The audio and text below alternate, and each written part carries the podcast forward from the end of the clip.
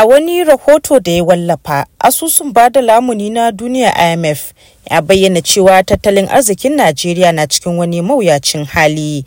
IMF ya ce ƙarancin kuɗin shiga a hannun mutane, rashin tabbas game da kayan masarufi da kuma talauci suna daga cikin abin da ya ta'azzara tsadar rayuwa a ƙasar. Don haka ya kamata hukumomi su mayar da hankali wajen samar da hanyoyin da za su tallafa domin bunƙasar tattalin arziki. Rahoton ya ce janye tallafin man fetur faduwar darajar naira da kuma kuma baya a fannin noma sun taimaka wajen tsadar rayuwa a ƙasar. Asusun ba da lamunin ya kara da cewa ƙarancin biyan haraji na daga cikin abin da ke kawo tsaiko wajen aiwatar da ayyuka domin ci gaban al'umma. IMF ya ce Najeriya na fuskantar ƙarancin tallafin kuɗin shiga daga ƙasashen ƙetare, fama da ƙalubalen cikin gida da kuma tsadar rayuwa sakamakon tashin farashin kayayyaki da ya shafi duniya. kazalika imf ya ce duk da haka yanzu najeriya na da kuɗaɗen da za ta iya fara biyan bashi da take binta. Koyaya mawuyacin tattalin arzikin da najeriya ke ciki kamar yadda imf ya bayyana ke shafar 'yan ƙasar sunana usman isa.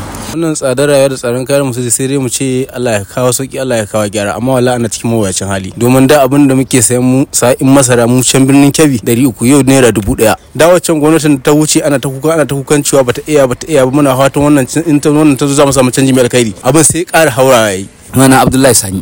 Ba a taɓa tunanin yau an waye gari abubuwa an rasa yanda wannan al'amari yake gudana.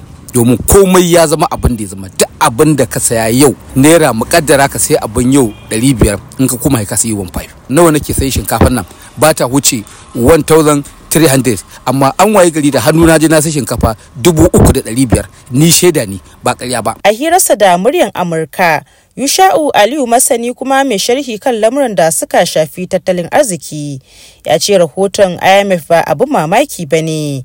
Wannan hukuma ta lamuni ta duniya ta daɗe tana bin diddigin tattalin arzikin duniya a ciki har da najeriya kuma ba abin mamaki ba ne idan ta ayyana mawuyacin halin da tattalin arzikin najeriya yake ciki saboda dalilai da dama. Na farko yawan bashin da ke kan kasan na biyu kuma rashin zaman lafiyan da ke cikin tattalin arzikin kasan wanda ya hada da yaƙe-yaƙe na boko haram da hare-haren 'yan ta'adda da sauransu. Waɗannan matakai ne ya kamata ita kanta bankin lamuni ta duniya za ta ɗauka ta yadda za ta shawo kan halin mawuyacin halin da ake ciki a ƙasar. Dole ne wannan hukuma ta duba basussukan da ke kan Najeriya ta kuma duba yadda aka karɓo waɗannan kuɗaɗe da kuma yan amfanin da aka yi tattalin arzikin da aka yi da su da kuma irin gudunmuwan da waɗannan kuɗi suka bayar ko kuma ba su ba da ba.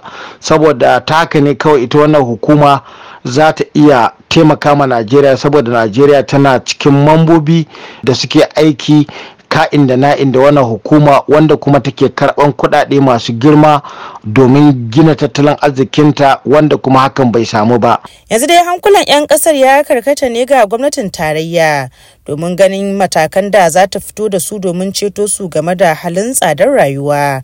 Rukayya Basha, muryar Amurka daga Abuja a Najeriya.